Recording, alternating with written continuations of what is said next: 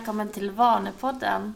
Patrik, har du haft en eh, bra vecka i värmen? Absolut. En jättebra vecka tycker jag.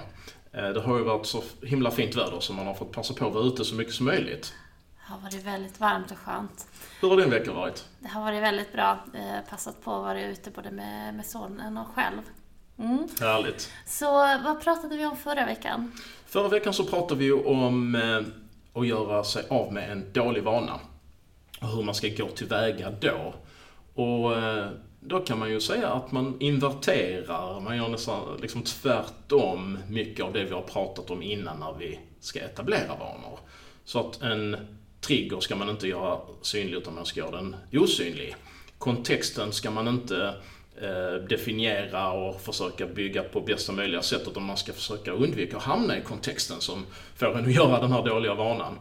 Och eh Eh, man kan också tänka att beteendet som, eh, som, som man gör då, eh, det, då minskar man liksom risken att det blir av när man har en osynlig, en osynlig trigger och att man inte befinner sig i kontexten.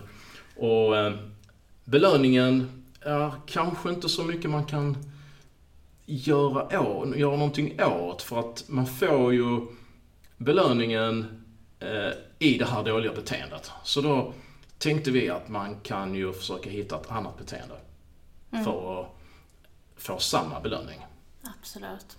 Och det handlar ju mycket då istället för att sänka ribban om att höja ribban. Exakt. Och göra det svårt att göra det här dåliga beteendet. Vi pratade ju mycket om det innan att man, eh, vi vill sänka ribban när man vill göra beteendet. Men vill man då undvika det, så höj ribban så mycket som möjligt. Gör det svårt, gör det dyrt, gör det komplicerat att göra den här dåliga vanan. Då blir eh, chansen högre att man kan undvika den. Mm. Ja, det, det var ju ändå en, eh, en ett avsnitt som vi fick bra respons på så och faktiskt så har det kommit in en, en lyssnarfråga till oss eh, via vår hemsida varaktigavanor.se. Och eh, då har vi fått en fråga från en, en kvinna som har bett oss lite om hjälp och den frågan hon ställde var hur kan jag komma i bättre form? Jag har nästan ingen tid för jag har två små barn. Och det är ju en väldigt, väldigt eh, stor fråga. Mm. Väldigt abstrakt. Och det är egentligen inte en vana där, så där fick vi ju faktiskt kontakta henne och, och ställa frågan vad är bättre form för dig? Mm, precis. Eh, och då fick vi sen eh, svar från honom, henne igen. Och då handlade det om att hon ville gå ner några kilon och eh, bli mindre trött. Mm, just det. Och då fick vi faktiskt mejla tillbaka igen. Ja, faktiskt. att, eh, och, och fråga henne då, vilka är alla vanor som du kan tänka dig hjälper dig med de här två sakerna som skulle kunna hjälpa dig att gå ner de här kilorna och bli av med tröttheten. Och sen då som vi har eh, pratat om också i tidigare avsnitt att man, när man har kommit när man har liksom inventerat, inventerat alla vanor man kan tänka sig hjälper en, att man rangordnar dem. Hur effektiv tror man att var och en av de här vanorna är? Och hur lätt bedömer man att det är att få in var och en av de här vanorna? Mm, och det fick vi ju be henne att göra också, för att mm. det kan inte vi göra åt henne, utan eh, hur effektivt det känns och hur lätt det känns för, för henne, det kan ju inte vi egentligen avgöra, utan det är ju individuellt för alla. Så då fick vi tillbaka en lista med olika mm. vanor från henne. Och vi har ju då till dagens avsnitt valt ut en av dessa. Där vi ska gå in lite djupare på den och, och prata kring det. Mm. Uh, och eh, det vi har landat i är morgonträna hemma. Mm. Och skälet till att vi valde just den, det var att den kombinerade liksom en, en hög potentiell effektivitet för att nå målen med att eh, det verkar lätt för henne att kunna få in den här vanan. För hon är morgonpigg och eh, det finns liksom bra förutsättningar att, att träna hemma på morgnarna. Precis. Och, och det är just det där, den är väldigt individuell för henne. Eh, och eftersom hon är morgonpigg och eh, vi har ju fått veta också att övriga i familjen sover den tiden. Och då är det väl optimalt för henne att, att lägga in det på morgonen. Mm, precis. Och eh, om vi då börjar med vaneschemat så att säga. Så det första vi ska prata om det är då, hur ser kontexten ut för den här kvinnan då? När hon ska få in morgonträning hemma. Och eh, vad vi, eh, vi kan rekommendera då att när man tittar på hennes befintliga morgonvanor så kan man tänka sig att hon stiger upp, kanske eh, startar kaffekokaren kanske. Mm. Eller om hon inte dricker te så kanske hon tar en kopp om hon inte dricker kaffe så kanske hon dricker te. Annars kanske man tar ett glas vatten. Att man gör någonting på morgonen, någon typ av intag eh, efter mor morgontoaletten liksom. Och eh, kanske så är det en eh, lämplig miljö att man tränar i tv-rummet. Ja, man får, vi vet ju inte hur hon bor. Nej. Men eh, ett vardagsrum har ju alla. Precis. Och har man, bor man i en villa och har en källarvåning som är inredd så kanske det också kan vara ett bra alternativ där man inte riskerar att väcka resten av familjen. Men att kontexten är liksom en ett eh, lämpligt rum hemma där eh, det kan fungera och ägna sig åt en, ett kort träningspass. Och ehm, Eh, om vi tänker då att det är själva liksom, miljön, själva eh, kontexten för träningen. Vad är då själva startsignalen? Vad är den exakta triggern? Ja, du var ju inne lite på det där att eh, alla har ju förmodligen redan vanor som de har på morgonen redan. Vanor som är staplade. Man går på toaletten, man borstar tänderna, man klär på sig, man kanske sätter på kaffekokaren och dricker lite kaffe. Och det klokaste är att lägga alltså, triggen som det som är sist i dem. För då ändrar du ju inte någonting i din morgonrutin, mm. utan du låter de vanorna gå först. Och så staplar du eh, morgonträningen på den här. Mm. Så då blir det ju väldigt enkelt egentligen att du, du lägger det i direkt anslutning till det sista du gör. Och är det då exempelvis att du dricker kaffe eller te eh, och så stoppar du in muggen i diskmaskinen, då kan ju just det här att du stoppar muggen i diskmaskinen vara din trigger. Mm. Kanske ljudet man hör när man ja. stänger diskmaskinen. Precis, kanske klirret. ja, exakt. Ja. Det, det, det, det, skulle kunna vara en trigger. Så att eh, när man har den signalen, då ska man inte göra något annat än att inleda träningspasset. Ja, precis. Så det, det rekommenderar vi den här kvinnan. Och om man, om man går på beteendet då? Ja. Ehm, då ehm, eh, är det ju så tacksamt att jag har jobbat många år som personlig tränare tidigare. Så jag kan faktiskt använda mig och, och jobba mycket med företagskunder nu just med den här typen av rekommendationer. Så att jag kan eh, kanske ge lite bra tips där som eh, för vilket beteende som kan vara lämpligt då just för att gå ner några kilo i vikt och öka sin energi och inte vara trött. Då ehm, eh, tänker vi oss också att det kan vara bra att försöka göra det här beteendet varje morgon. För om man då eh, väljer vissa morgnar, då kan det vara svårt att hitta en trigger som bara gäller de morgnarna. För annars måste man, om man dricker kaffe då varje morgon så kommer man sätta in muggen i diskmaskinen eh, och stänga den. Och vissa morgnar så ska man inte träna. Mm. Då ska man hoppa över triggern vissa dagar. Eh, och då får man liksom inte en hundraprocentig koppling mellan trigger och beteende. Eh, och för att den, kopplingen ska bli hundraprocentig och för att det ska vara lätt att veta vilka morgnar man ska träna alla manar. Ja. Det är den enklaste principen. Det är absolut det enklaste och det, det har ju jag känt också när vi har jobbat väldigt mycket med vanor, att de vanor som man har gjort varje dag, det är de som är de enklaste. Mm, tycker jag också. Mm. Så, så det rekommenderar vi och då tänker vi att i gengäld så kan man korta själva passet och då vinner man också på då att ett kort träningspass är lättare att utföra än ett långt träningspass. Det blir ju liksom mindre motstånd såklart.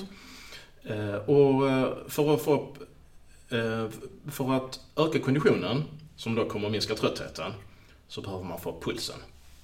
Och då rekommenderar vi till exempel burpees. Har hon en konditionsmaskin så kan man köra på den. En cross-trainer eller en roddmaskin eller en motionscykel. Ehm, är det så att burpees kommer låta för mycket kanske, att om man gör det i tv-rummet bredvid sovrummet, att man väcker familjen, så kanske inte det är en lämplig aktivitet. Och då finns det Step Up. Om man väljer till exempel en mjuk pall som är en 25, 30, 35 cm hög, så kan man kliva upp och ner på den eh, i så pass hög takt att man känner att pulsen går upp rejält. Och det skulle kunna vara ett alternativt träningspass då på morgonen. Mm. Men de dagar som hon kommer vakna och så känner hon att åh, jag orkar verkligen inte träna idag. Mm. Vad, vad, vad ska man tänka där då? Sänk ribban. Precis, och hur eh, lågt kan man sänka ribban här? Man kan sänka ribban så mycket man behöver för att träningen ska bli av varje dag. Eh, tar vi då step-upen som exempel, då skulle det vara helt okej okay att kliva upp och ner på pallen 10 gånger. Mm. På, på liksom 20 sekunder och sen är passet över.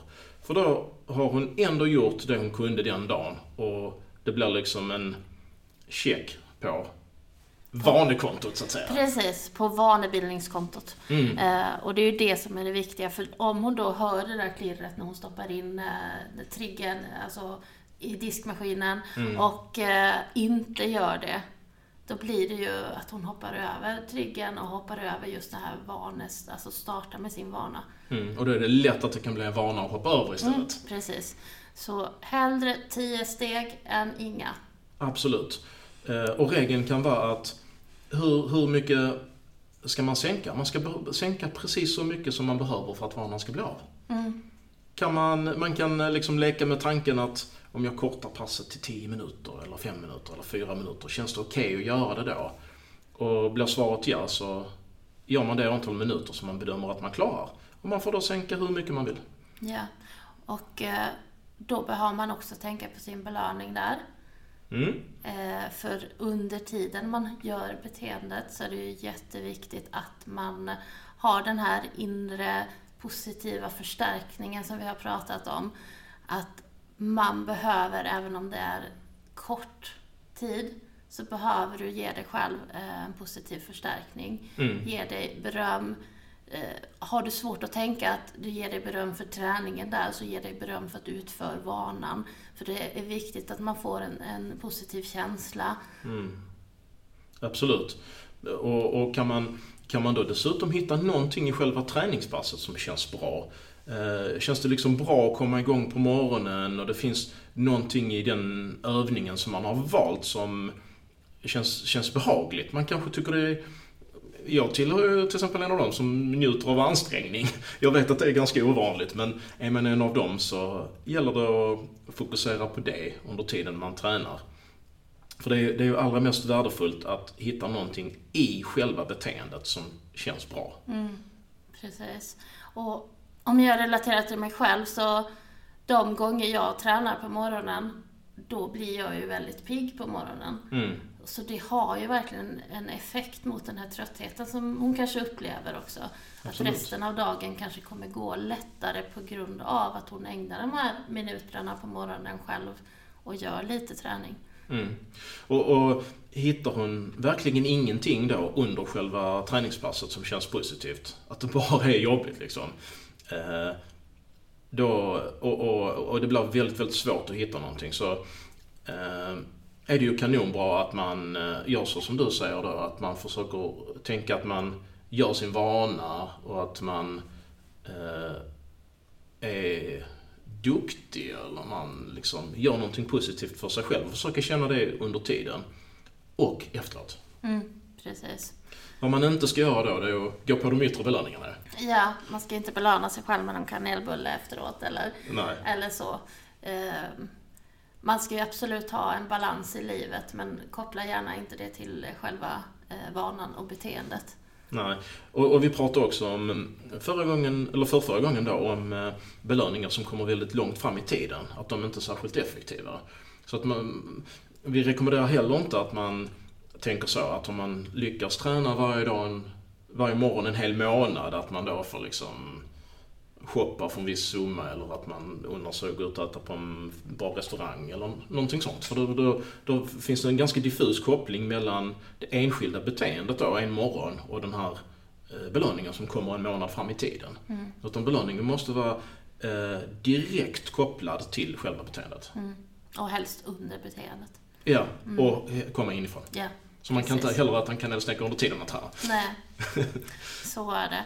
Och det är viktigt också att man tänker, för att nu började den här frågan väldigt liksom abstrakt och stort och man vill ofta förändra allt och få resultat på en gång. Mm. Och det är viktigt att man försöker ha det där långsiktiga tänket. Mm, precis.